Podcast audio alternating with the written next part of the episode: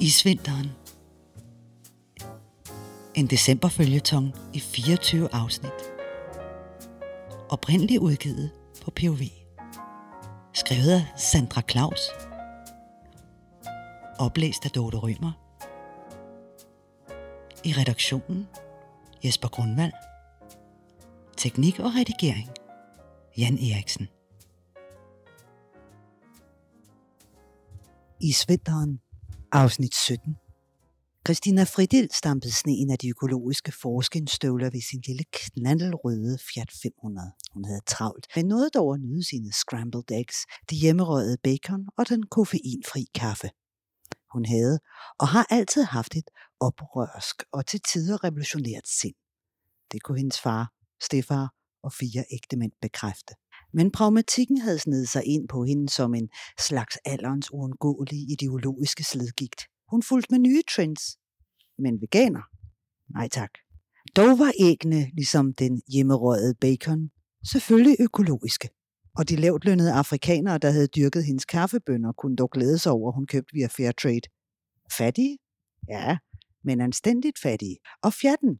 Og den kører på benzin, men er en hybrid med en elhjælpemotor til at tage toppen af både brændstofforbrug og dårlig samvittighed. Christina var med tiden blevet en meget pragmatisk frihedskæmper. Hun baksede med det store skilt, der skulle op og hænge foran hendes nye Donut Joint, frokostrestauranten i det gamle Folkerup. Det nye iværksætteri havde fra starten stærkt brug for hendes tiltagende pragmatik. Den skal være økologisk og vegetarisk, 100 procent, sagde hendes søn Robert, da hun luftede forretningsideen for sønnen. Hun nikkede stumt, som forældre gør, når de ikke kan få ordet nej over deres læber. Men hun vidste, at et rent vegetarisk spisested ingen gang havde på jord. I Folkerup. Hun skulle jo leve af det her. Og donuts uden andet kød i netop denne by befolket, af folket ville være som at servere sodavand for en bryggeriarbejder. Der er ikke plads til skiltet i den lille bil. Ingen anden udvej end at åbne soltaget denne dag, hvor frosten holder sig lige under 20 minusgrader. Ned ad grusvejen mellem de ældste af hipstedhusene. Til venstre, ned mod broen. Det bliver dagens korteste biltur.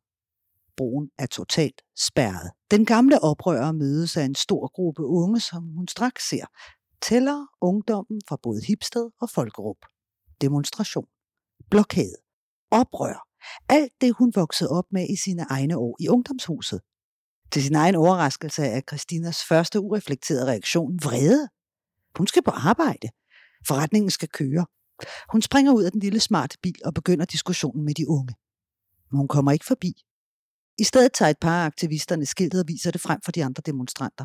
De griner højlydt af teksten, som skulle være en stikpille til politikeren Irene Larmtue, der lige havde besøgt Folkerup. Larmtue var mere kendt for sin evne til at læse folkestemninger, end til selv at tænke nyt. Så hun havde lige nejlet dræn sumpen citatet fra en eller anden halvgal præsidentkandidat på den anden side af kloden. Kom ud af sumpen for donuts på rumpen, stod der på donutsælgerens nye skilt til forretningen ind i den gamle by.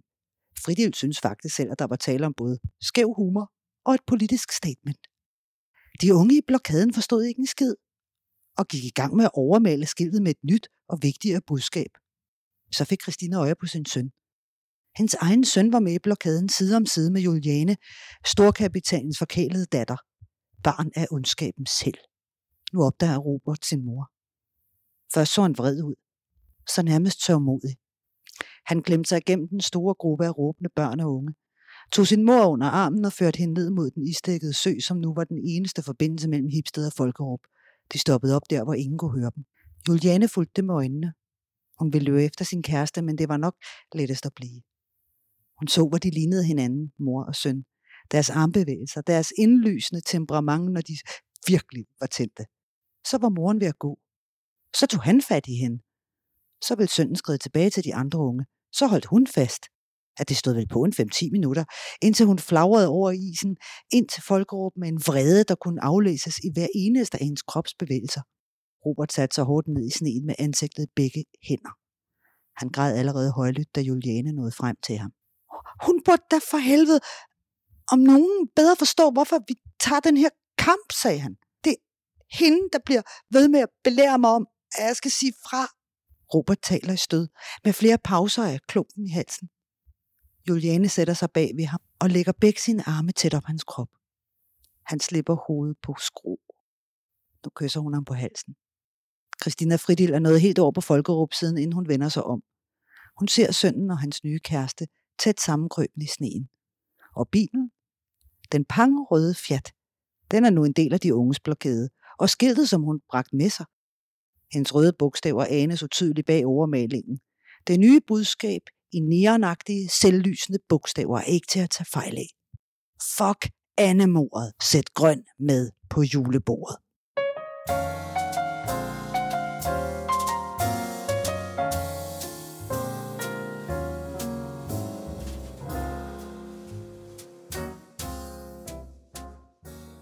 Isvinteren, afsnit 18. Pastor Peter Korsbæk var som taget ud af en familiefilm for mere end et halvt århundrede siden, da han selv var barn. Altfagnende, blid, talte med et sprog selv uden for kirken, som mindede mest om dronningen i nytårstalen. Ikke sådan, at befolkningen i Folkerup synes, at han var latterlig. Ret beset kom de sjældent i den gamle sovnekirke, de nærmest anså Peter Korsbæks bro og fasong som en del af landsbykonceptet, ligesom den sorte kjole med den hvide krave. Beboerne i Hipsted var tættere på buddhismen end evangeliet i Herrens hus, bortset fra den ene gang om året, hvor pastor Korsbæk holdt julegudstjeneste for børnene i Folkerup Grundskole, hvor alle børn på egnen gik. Ved den lejlighed så fyldte de derimod kirken helt op til irritationsgrænsen for traditionalisterne.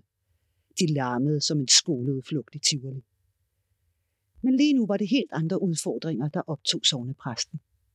For første gang i sit 62-årige liv havde han indtaget rollen som aktivist. Hemmelig aktivist. Han havde fulgt andekrigen mellem de to byer.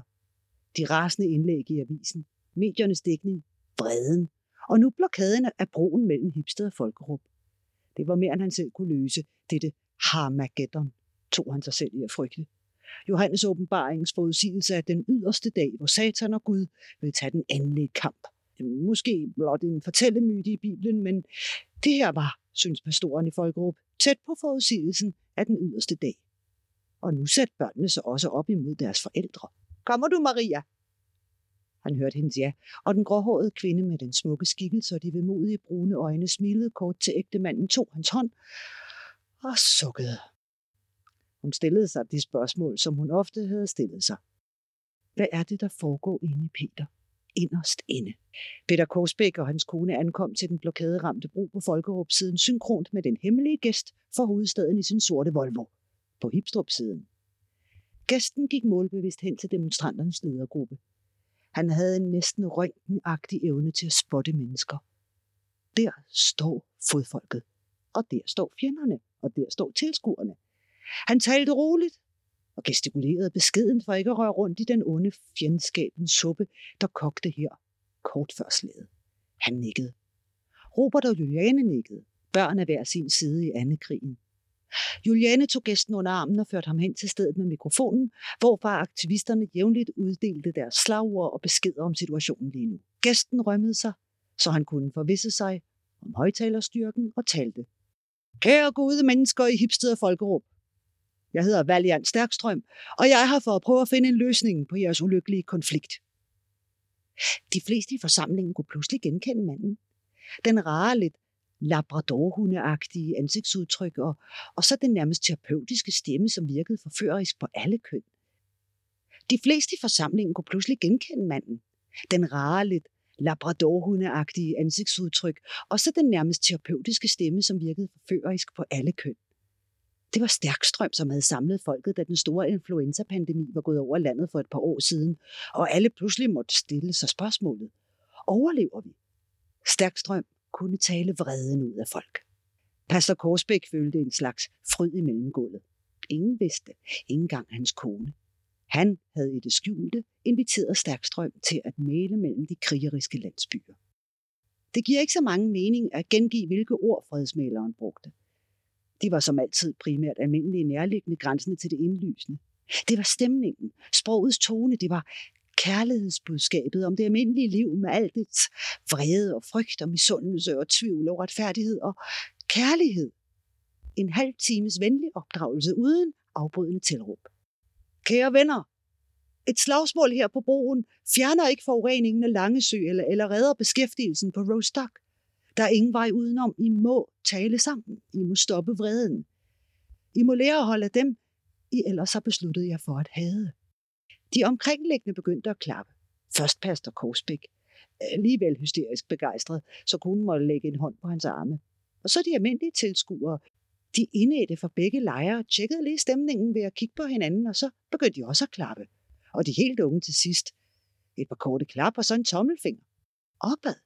Nu brød pastor Korsbæk gennem forsamlingen. Flagrende med sin sorte kjole gennem sneen, bredte han hænderne ud, som under velsignelsen under højmessen, og da han nåede frem til Stærkstrøm, slog han armene og præstekjole omkring fredsmaleren og drejede ham rundt som i en dans. Begge mænd nød varmen og klemte sig endnu tættere til hinanden, mens de under pastorens kærlige kontrol vrikkede om de to længe savnede fra den ene til den anden side.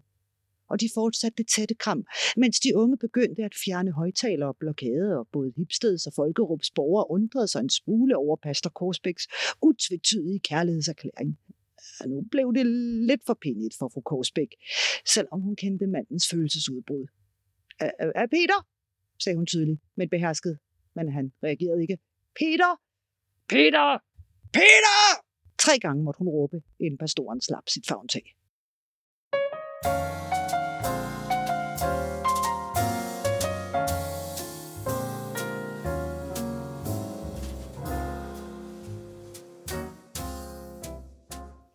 Isvinteren, afsnit 19.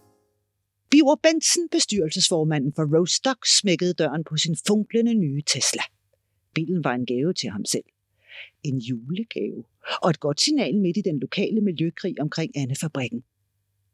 Også han tænkte på klimaet. Model X for 870.640 kroner.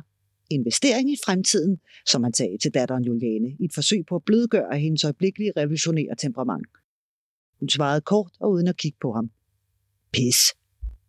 Han gik op mod fabrikken og nød synet af de nyindkøbte Dannebrugsflag og Rostocks velkendte reklamevimpler med logo. Den sprødstegte juleand. Han tog imod ejeren af den kinesiske kapitalfond, Chu Bandit. Selve fondens kinesiske navn kunne bedst oversættes til noget i retning af guld til folkets brigader den lange, flotte erhvervsmand på forlittens rand og den meget lille kineser med redningskrans bukkede dybt for hinanden og gik straks ind i bestyrelseslokalet, mens journalister fra aviser, tv og radio ventede udenfor. Dette var skæbnetimen for Anne Fammen i Folkerup. Der gik blot en halv time, så kom formanden og investoren ud. Kort og fyndigt kunne Biver Bensen fortælle, at Turban Bandit havde overtaget 51 procent af aktierne i Rostock en helt nødvendig kapitalinjektion midt i krisen. Hvilken interesse har øh, Tuban øh, øh, øh, dit i at overtage den bestemmende indflydelse i en virksomhed, der ikke kan sælge sine produkter? Tuban dit smilede blot og agtede ikke at lægge arm med den vestlige journalistkultur. Benson trådte til. Vi er enige om en rethinking af vores product strategy. Benson kunne se, at den glæde ikke ned, så han fortsatte, inden de ville falde over ham. Det er jo ingen hemmelighed, at vi er, har stigende succes med vores makropakket andefødder til det kinesiske delikatessemarked, og nu stiger efterspørgselen på andetunger. Så øh, vi må anstrenge os for at finde kunder til selve anden. Jeg har ikke flere kommentarer. Selskabet forlod stedet i Bensens sorte Tesla og begav sig ud mod Lystgården, hvor kapitalindsprøjtningen skulle fejres med en grænseløs middag. Men den store dagslutning blev ikke, som bestyrelsesformanden havde forventet. Der blev gået til med både Bourgogne og stærke schusser. Tonen blev friere. True Bandit havde lige et sidste ønske, inden han forlod Folkerup. I have heard about exciting club for gentlemen called Sweet Duckling. Please let me be invited, Shasha, Mr. Benson. Forretningsmandens bedukkede øjne blev pludselig helt klare. De lød ingen tvivl ude.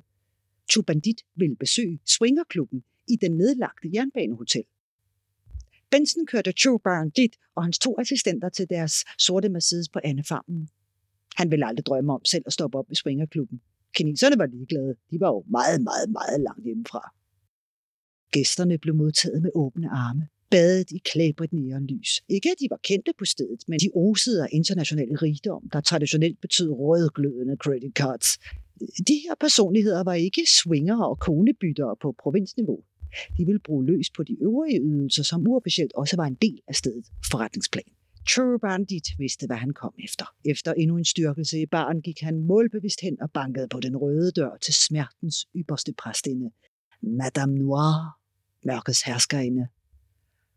Entré, s'il vous plaît, sagde dominaen. Troende og kælend med en alt stemme som en kabaretstjerne i en dekadent musical. Ingen kunne høre, at Madame var identisk med panikalterapeuten fra Hipsted, Josef den aparte. Og det var også lige meget fra True Bandit. Uanset denne verdens latterlige kønskendetegn, var Madame Noir virkeliggørelsen af hans drømme. De pigerne indre billeder, da han blundede så sødt på første klasse på flyrejsen fra Shanghai. Så indløsende mystisk. Så faretroende smuk. Lyslevende rødt og sort var hun, mens hun svingede den nihalede lystskaber i luften. Truende, æggende. Au, au, totismi! Mau, du stop med! Hensigten var god nok. I ægte SM-forhold fandtes et bliv ved signal og et stopord. Madame Noir regnede med, at navnet på den store befrier og overgænger, formand Mao måtte være det rette stopord. Ja, hendes kinesiske var jo et beskeden. Uheldigvis var Chubandits engelske på samme niveau, og det skulle vise sig at få alvorlige følger. Josef den aparte tog fat som aldrig før. Her var slag for hans elendige studentertid, for Stefan, som ville af med ham, for hans personlige kærlighed, som altid havde en fiasko, for svineriet for Anne Farmen og for småborgerligheden i Folkerup, for den terapeutiske panik. Han slog og slog, og uanset hvad der kom ud af munden på Turbandit, hørte hersker inden det som, au, altså, bliv ved. Efter 10 minutter solid kærlighedsvold måtte bestyreren af Swingerklubben gribe ind. Det blev trods alt for hjerteskærende. Flere kom til og tog sig af den sårede kinesiske finansmand, hvis bagdel var mere blodstribet end en slagterskittel. Og han skreg som et barn, da hjælpsomme mennesker smurte hans agterparti ind i smertestillende salve. Madame Noir sad udslidt i en rød plysstol og snappede efter vejret. Så hjalp de Chubandit ud af lokalet. Han vaklede og ømmede sig, mens han hang over skuldrene på begge assistenter. Han klynkede igen, da han satte sig på lædersædet bag føreren i den sorte Mercedes med de tonede ruder. En sidste hilsen fra forretningsmanden kom på et lidende kinesisk.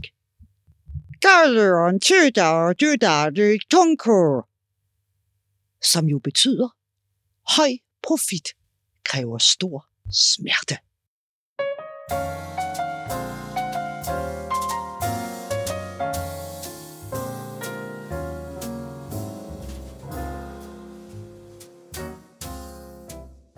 Isvinteren, afsnit 20.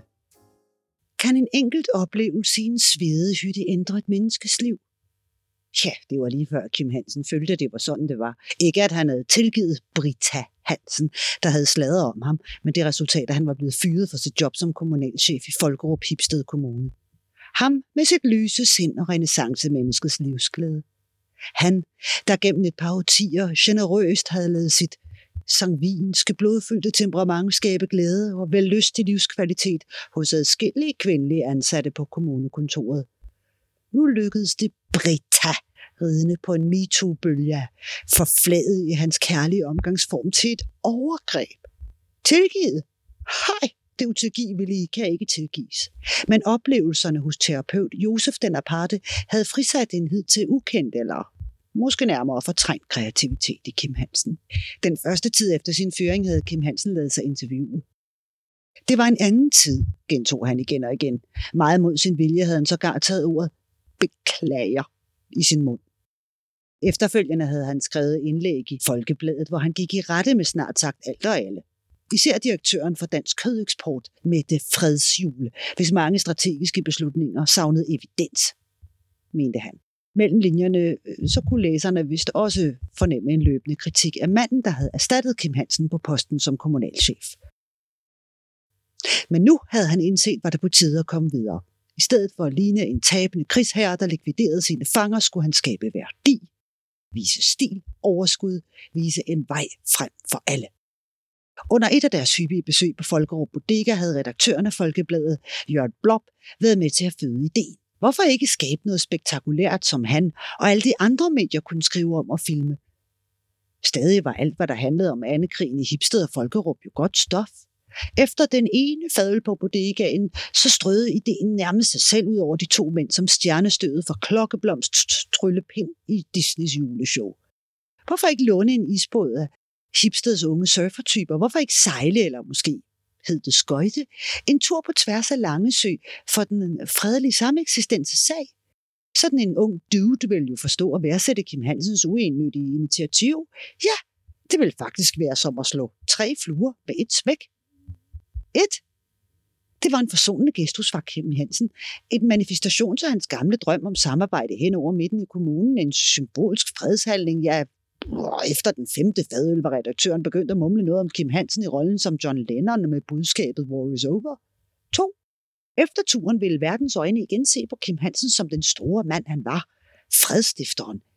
Ikke som ham med sexchikanen. Eller som den sjette eller måske den syvende fadøl havde de koketteret og talt om Nobels fredspris. Og jeg hvorfor ikke? 3. Det ville jo skaffe flere kunder til Blobs kones vinteråbne marketenteri ved broen i Hipsted. Vinden stod ubønhørligt hårdt ind fra vest ind over Langesø. Det var bidende koldt. Hansen var pakket godt ind, men fornemmelsen i kinderne føltes som de lussinger gårdvagten jævnlig havde uddelt i skolegården. Men det var perfekt vejr for Kim Hansens fredsmission. Den unge mand fra Hipsted, der beredvilligt udlånede sin DN-isbåd til det gode formål, havde forklaret, hvordan Hansen fik sejlet til at lystre vinden. Bådens ejer havde talt om både til syneladende vindhastighed og sandhastighed og sejlpunkt og trykforskelle og trykgradienten og hvad. Det kunne vel ikke være meget anderledes, eller sværere end at tage færgen. Efter et sidste stand-up interview med en reporter fra TV2 News med små istapper under næsen, gik Kim Hansen hen til broen neden for Nettos parkeringsplads i Folkerup. Ikke uden en vis møje fik han anbragt sig i hullet i den smalle båd, mens den unge mand og en ven fastholdt den. Kim Hansen vendte sig en sidste gang mod den forsamlede presse ved bredden for at give fredstegnet. Åh, hvor var det dog stort det øjeblik, hvor bådens hastige rit hen over isen ville symbolisere en flugt fra alt den uret, han havde oplevet, mod en rolle som manden, der med sin aktion ville komme til at samle folkeråb og hipsted. Og jo, jo, han havde tænkt videre. Hvorfor ikke udnytte alt sit momentum og stille op til det kommende kommunalvalg på en borgerliste? Foran sig i den tiltagende skumring anede han lysene på den anden side af Langesø. Et par røde lamper angav stedet, hvor han skulle lande sin båd. Med den vind ville turen maks vare fem minutter, vurderede de unge mænd. Nå, afsted. Han gav det aftalte tegn til de to på broen, som herefter slap deres tag i båden. Hold fast i roret. Stenhårdt, uanset hvor ondt det gør i hænderne. Kim Hansen var en stærk mand. Han havde en fortid som bryder. Afbryder af diverse affærer. Øh, den havde de grint meget af på bodegaen. Og i begyndelsen gik det egentlig for rygende. Vinden havde godt greb i sejlet. De røde lamper ved kysten nærmede sig, voksede så større i Kim Hansens synsfelt, fuldstændig som planlagt. Alt var godt. Men efter godt og vel 100 meter, så begyndte det at gå meget stærkt ud på søen. Lovlig lovligt stærkt efter Kim Hansens smag. Sejlet larmede stormen. Det blev sværere og sværere at holde fast i roret. Det par skibriller, som han havde lånt af sin søn, generede Kims øjne. Et øjeblik lukkede han dem øjnene, og da han åbnede dem igen, var de røde lamper ved kysten væk. Mørket samlede sig om ham. Total sorthed og stadig skøjtede båden derudad. Kims forbløffelse blev meget hurtigt til desperation for derefter at blive til skræk. Hvor i alverden var han på vej hen? Han ville samle Hipsted og Folkerup, og nu anede han ikke, om man skulle dreje til højre eller venstre. Kim Hansen var helt alene på søen.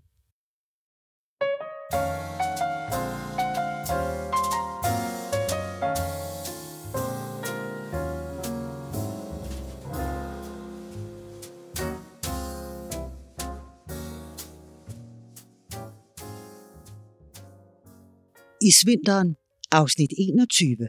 En mor spænder guld. I Folkerup i det ellers så lune køkken hos familien Bensen, bestyrelsesformanden for Rostock, var i Svinterens langfingrede effekt kravlet ind. Hele fyret var brudt sammen, og Biver Bensen prøvede at imponere sin hustru ved at hugge brænde på gårdspladsen. Hans frosne skulder var gået i baglås midt i et hug, og nu rendte han med armen over hovedet, forvredet smerte og lidt og gul i ansigtet af kvalme. Hans hustru Sus havde undertrykt et fnis, da det mest af alt lignede et stillbillede af en gammel kommunistisk propagandaplakat. Hun havde forbarmet sig og overtaget, så Benson blev placeret foran brændeovnen, mens Sus overtog opgaven. Han plirede taknemmelig med øjnene, da hun med overlegen sikkerhed balancerede et nyhugget stabel brænde og lukkede hoveddøren med højre ben. Styrke og smidighed. En varme strømmede gennem ham. Han elskede Sus. Selv når hun havde sine egne meninger. Havde han glemt at påskynde det? Alt det, han var så betaget af, da de mødtes som unge. Før han nåede at drøse glimmer ud over glansbilledet, så kom datteren Juliane spurgte ned ad trappen. Stop, stop, råbte han. Juliane, op på værelset nu! Janes ansigt fortrak sig i afsky. Hun havde siddet demonstrationen med Robert ved sin side, pådraget sig en middelsvær snue, og Biver Bensen var panisk for at blive smittet, og eventuelt smitte sine ender, så slagtningen ville blive afløst af masseaflivningen til ingen anden fødders gavn. Sus overværede optrinet og smækkede den franske dør mellem pejsestuen og køkkenalrummet i. Ikke med samme smidighed som døren, konstaterede Biver Bensen, men med års ulmende irritation. Indespærret bag glas kunne han betragte Sus og Juliane facetime mellem etagerne. Juliane, din far mente det ikke på den måde, prøvede hun. Men Juliane kunne høre hulheden i standardreplikken rumme. Jo, han gjorde, sagde Juliane tørt som en kanelgivel. Jeg fatter ikke, du gider ham mere. Din far er en idiot, Juliane. Han er stivnakket og gammeldags konform og firkantet, men... Sus trak vejret tungt og studerede sin mand gennem glasset. Han sad med jagthunden Saxo ved sin side og lignede en forladt folkepensionist med sine ternede tøfler. Men han er ikke ond, fortsatte moren. Han har gjort, hvad han kunne, for at give os alt, hvad vi kunne drømme om, at det er dine heste og ridehuset, og jeg ved godt, han er strid lige nu. Men hans kærlighed til dig, den, den er virkelig større end alt andet. Juliane besluttede sig for at teste det udsagn til det yderste. Hun sendte et fingerkys til sin mor og afsluttede samtalen. Biver Benson kunne ikke høre, hvad de talte om, men Susses blik igennem glasdøren sagde det meste. Hvis der var noget, Biver Benson havde, så var det ikke at vinde. Og tanken om, at de tre nu var isoleret af mere end en generationskløft, det skar ham i hjertet. Ydmygelsen var næsten total. Men om Susses læber spillede der et skæmsk smil. Hun gik hen til dobbeltdøren og drejede den lille gyldne nøgle rundt. Hun præsenterede den triumferende for Benson bag døren og lynede sin flistrøje langsomt ned. Benson hostede nervøs. Sus tog telefonen og tastede. Det pingede på Bensons telefon. Hvor meget vil du se? Benson skrev febrilsk. Alt! Han anede ikke sin levende råd. Hvad mente Sus? Var, var det for at spotte ham, eller var det oprigtigt? Hans kone smøg flistrøjen af og åbnede sin blå arbejdsbukser i slow motion. Hun lød den glæde ned over sin velformede bagdel og knækkede sammen med grin. Piver Benson blev så overrasket, han grinede med. I hvad der føltes et, som en uendelighed, så grinede de befriende på hver sin tid af isolationen, så de ikke kunne huske, at de havde grinet sammen i mange år. I Hipsted sad Robert pakket ind i uld som et lille F for for. Han havde sin computer i skødet og Juliane på FaceTime. De havde siddet sådan et par timer og set Turbandits konglomerate aktiekurser stige mere, end de fleste aktiespormænd havde ventet. Christina Fridil foretog sig en serie sære bevægelser som en slags skrivebordsyoga, indtil hun pludselig brølede, Goal! Hun skreg som den største silverback gorilla i højlandsjunglen. Robert smilede og blinkede til Juliane. Juliane fnes konspiratorisk. Man skal aldrig underkende unge menneskers online virksomhed og foretagsomhed. Christina Fridil havde været usædvanligt hurtig til at opfange aktiesalg og havde på eget initiativ jongleret med sin egen kapital, shortet aktien og på et par timer hentet over en halv million kroner. Fordi man er alternativ og stemmer rødt, så er der ikke noget flot i at sutte lidt på kapitalismen. Fremtidsdrømmene de unge mennesker havde om at få en lille andelsdejlighed til deling og optagelsen på det fri gymnasium, var pludselig også inden for økonomisk rækkevidde. Christina hentede beruset af sin egen økonomiske bedrift en flaske økologisk muserende hyldeblomstsaft og skænkede op. De skålede med Juliane via skærmen. Robert kiggede på sin mor med lige del beundring og forvirring. Christina Fridil kiggede på de to unge, den ene bag skærmen, og løftede sit champagneglas med et højtideligt Il faut cultiver notre jardin. Voltaire. Candide. Snus fornuften. Hun klinkede med glasset mod Roberts telefon og gik ud af værelset. Velvidende, at de to nu febrilsk ville bruge Google Translate. Men hun var ikke i tvivl om, at de begge ville forstå præcis, hvad hun mente med ordene. Da døren gled i, kaldte virkeligheden dem tilbage. Øh, Robert? spurgte Juliane. Du, du ved godt, vi flytter ind som venner, ikke? Altså, og så ser vi, om vi kan være gæst, kærester også, ikke? Han nikkede i øvrigt. Jo, jo, jo, jo. Øh, vi flytter ikke sammen, men, men vi er roomies. Han trak telefonen ind til sit hjerte. Åh, de skulle være sammen hele tiden, i gymnasiet, i lejligheden, i byen og i fritiden. Det vil blive noget så frit og dejligt.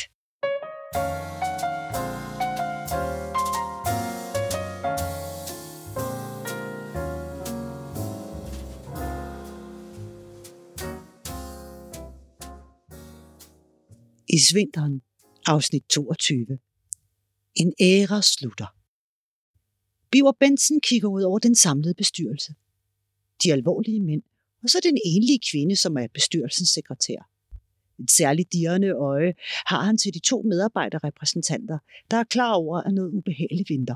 Men det er nu, at formanden skal vise, at der er noget andet, der er vigtigere end management.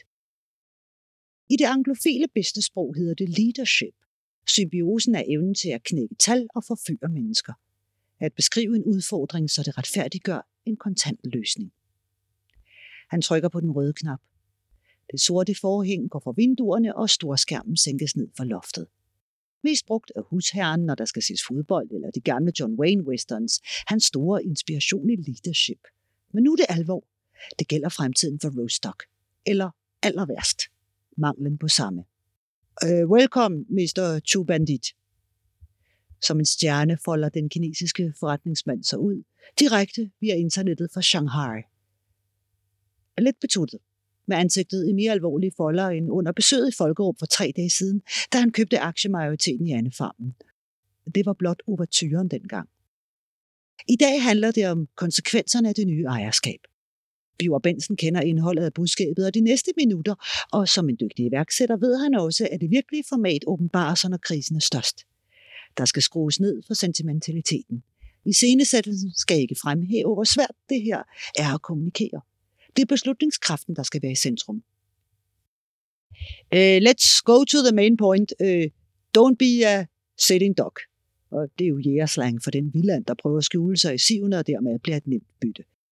Bensens lyriske sind fornægter sig ikke. En siddende and? Hvad mener de med det, tænker den kinesiske investor. I am not a dog, and I have not been sitting since I left Denmark three days ago. Turbandit ser pludselig lidt skælmsk ud. Han forstår bare ikke de danske ordbilleder, men hans agterparti er stadig ømt som en byld efter mødet med Madame Noir i Swingerklubben, så han har klaret arbejdslivet stående de sidste par dage. Formand Benson er nærmest helt blank efter det underlige svar fra Shanghai. Han kender intet til Turbandits hemmelige lyster. Men nu handler det lidt om at komme videre. Som formand for bestyrelsen og for at sikre accepten hos medlemmerne, er det jo Bjørn Benson, der skal forklare, hvor sagerne står at aktiesalget ikke blot var en pengemaskine for ham og de øvrige aktionærer, der solgte, men at beslutningskraften nu er flyttet ud af hans hænder. Flertalsaktionæren Chubandit har besluttet, at Rose Stock skal lukke i Folkerup. Han har, som os andre, kunne konstatere, at det faktisk er umuligt at drive Anne Farm videre, når man tager kraven i den danske miljølovgivning i betragtning. Investeringerne vil være enorme. Når man dertil lægger, at konflikten mellem de to samfund ved Langesø har fået priserne på en juleand til at rasle ned, og man samtidig ser på den aktuelle fjendtlighed med rationelle øh, dyrehold og kødspiseri, er udsigterne for virksomheden ikke eksisterende. Selve produktionen i Rostock vil blive flyttet til Polen, hvor miljølovgivning ikke er den stærkeste religion, og hvor støtten fra EU er på det højeste niveau. Og slet ikke at tale om prisen på arbejdskraft. Han kigger på de to medarbejderrepræsentanter, der lige nu kunne dræbe, hvis øjnene var dolke. Ja, det er jo særlig hårdt for medarbejderne, det er klart. Men lad os nu se på realiteterne. For få år siden beskæftigede vi 45 mand. I dag klarer driften af blot 10. Og med de nye investeringer i digital fodring og udmålingsteknologi, så kan arbejdet i fremtiden formentlig klares med et par IT-operatører og en ferieafløser. Og dertil kommer, at bestyrelsen vil være indstillet på at få nogle solide fratrædelsesaftaler for de nuværende ansatte. Så fanger Benson aktionærernes blik. Og, og til jer, der satte jeres penge i Rostock. Beslutningen om at flytte virksomheden er den eneste, som kan fastholde kursen på jeres aktier. En hård, men nødvendig beslutning, som aktiekøberne forstår. Så I kan sælge til en god pris, selvom markedet for juleældre lige nu er dødt, eller I kan konvertere til aktier i det nye polske selskab. Biver Bensens afskedstale blev hans bedste i karrieren. Objektiv og konsekvent. Den var en videre styrende for den pressemeddelelse, som allerede var forfattet af kommunikationsbyrået inde i hovedstaden, langt fra landsbykonflikten mellem Hipsted og Folkerup. Fabrikken lukker. Forureningen stopper. Ænderne skal ikke udsættes for urimelig lang rejse. De vil blive slagtet efter nytår. Fødder og tunger er solgt til Kina som delikatesse. Loven er afsat med EU-forædlingsstøtte til en fransk fabrik, der er specialist i fremstilling af confit du canard, syltet and. Og brysterne? Mm, der forhandles med Irma. Og det er sådan, en and skal skæres.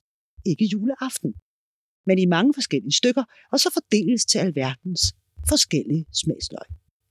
Der var alvorlige, men fattede mine at aflæse, da Benson afsluttede sin svanesang ved at trykke bestyrelsesmedlemmernes hænder, en for en på trappen foran den store ejendom. Han vinkede aristokratisk og diskret farvel, samtidig med, at datteren Juliane kom cyklende op ad vejen. Lige nu tænkte han mest på hende, og den bedste julegave, han kunne give hende. Hans beskedne bidrag til vegetarismen. Anne-farmen lukker. Må ikke snart hun vil elske sin far igen.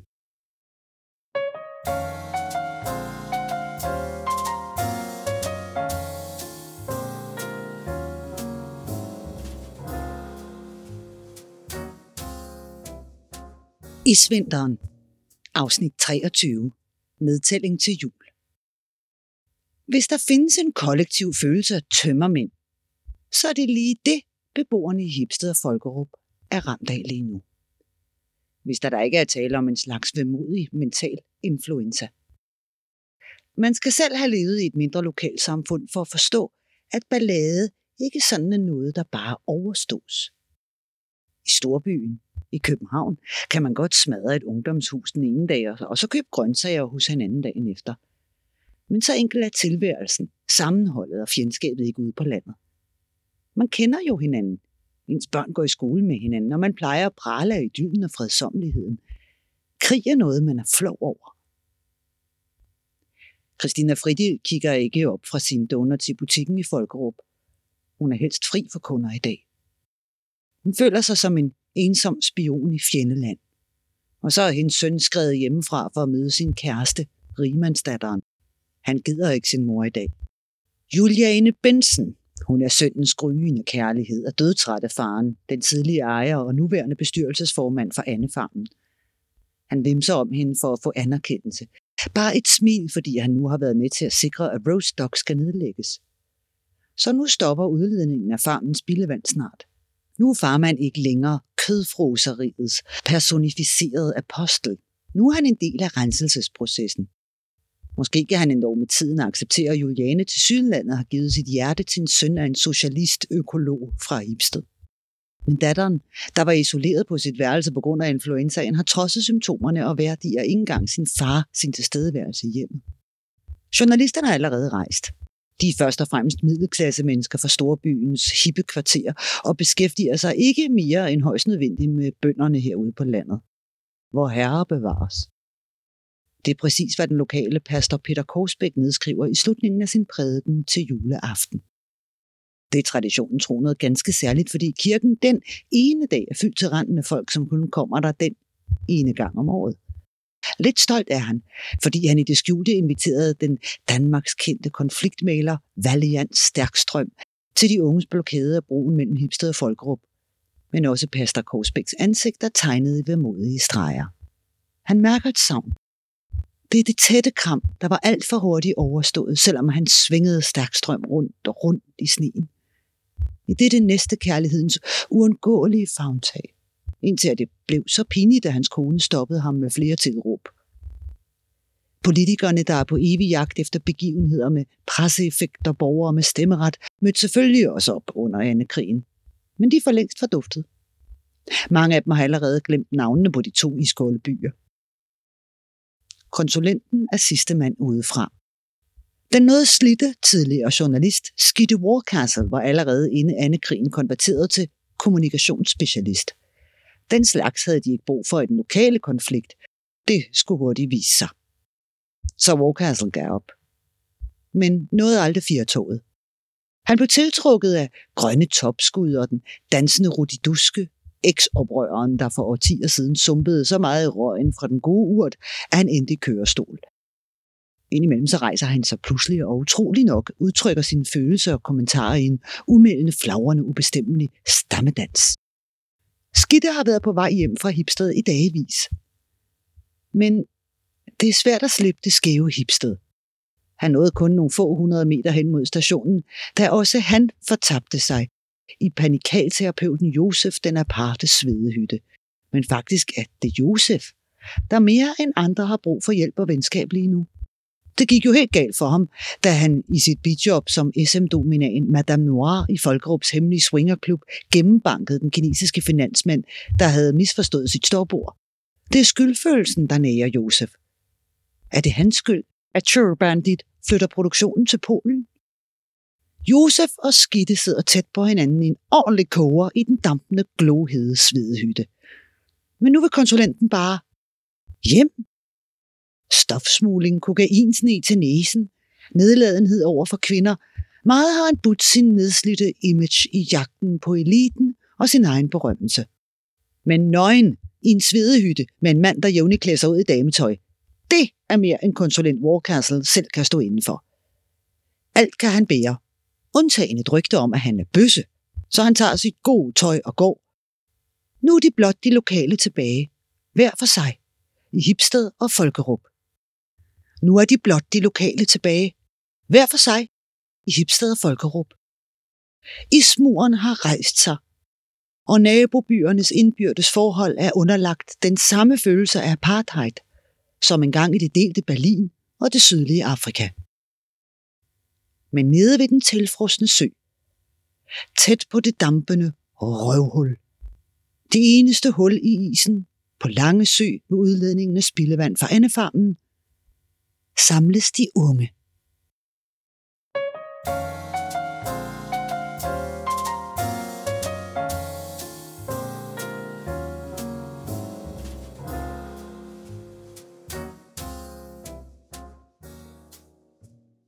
Det sidste afsnit af Isvinteren, afsnit 24, oprørets morgengry.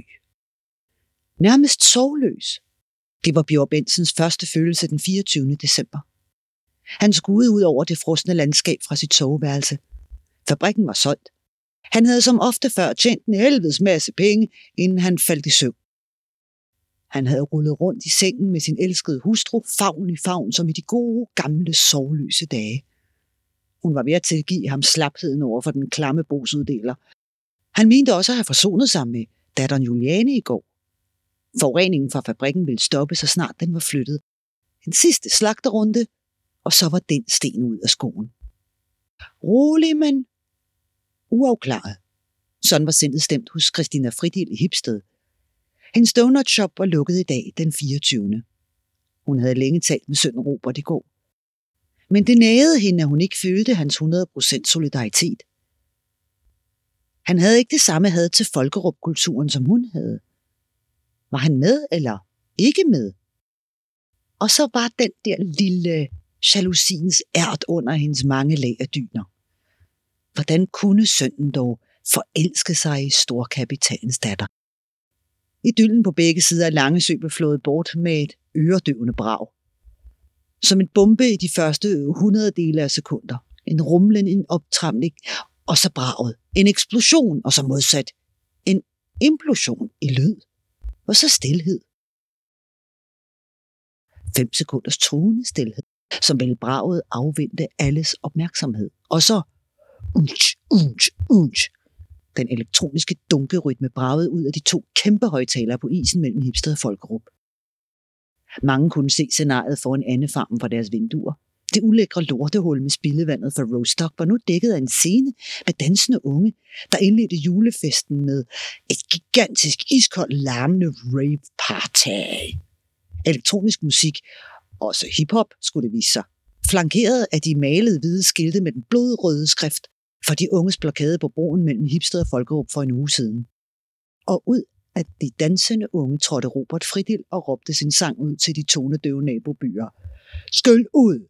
Skøl ud!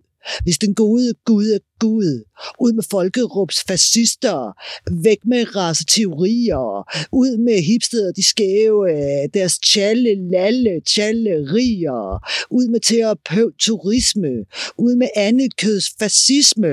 Vi siger fuck til julemanden. Vi befrier juleanden. Spis nu vegetarisk for fanden. Luk ud. Luk ud.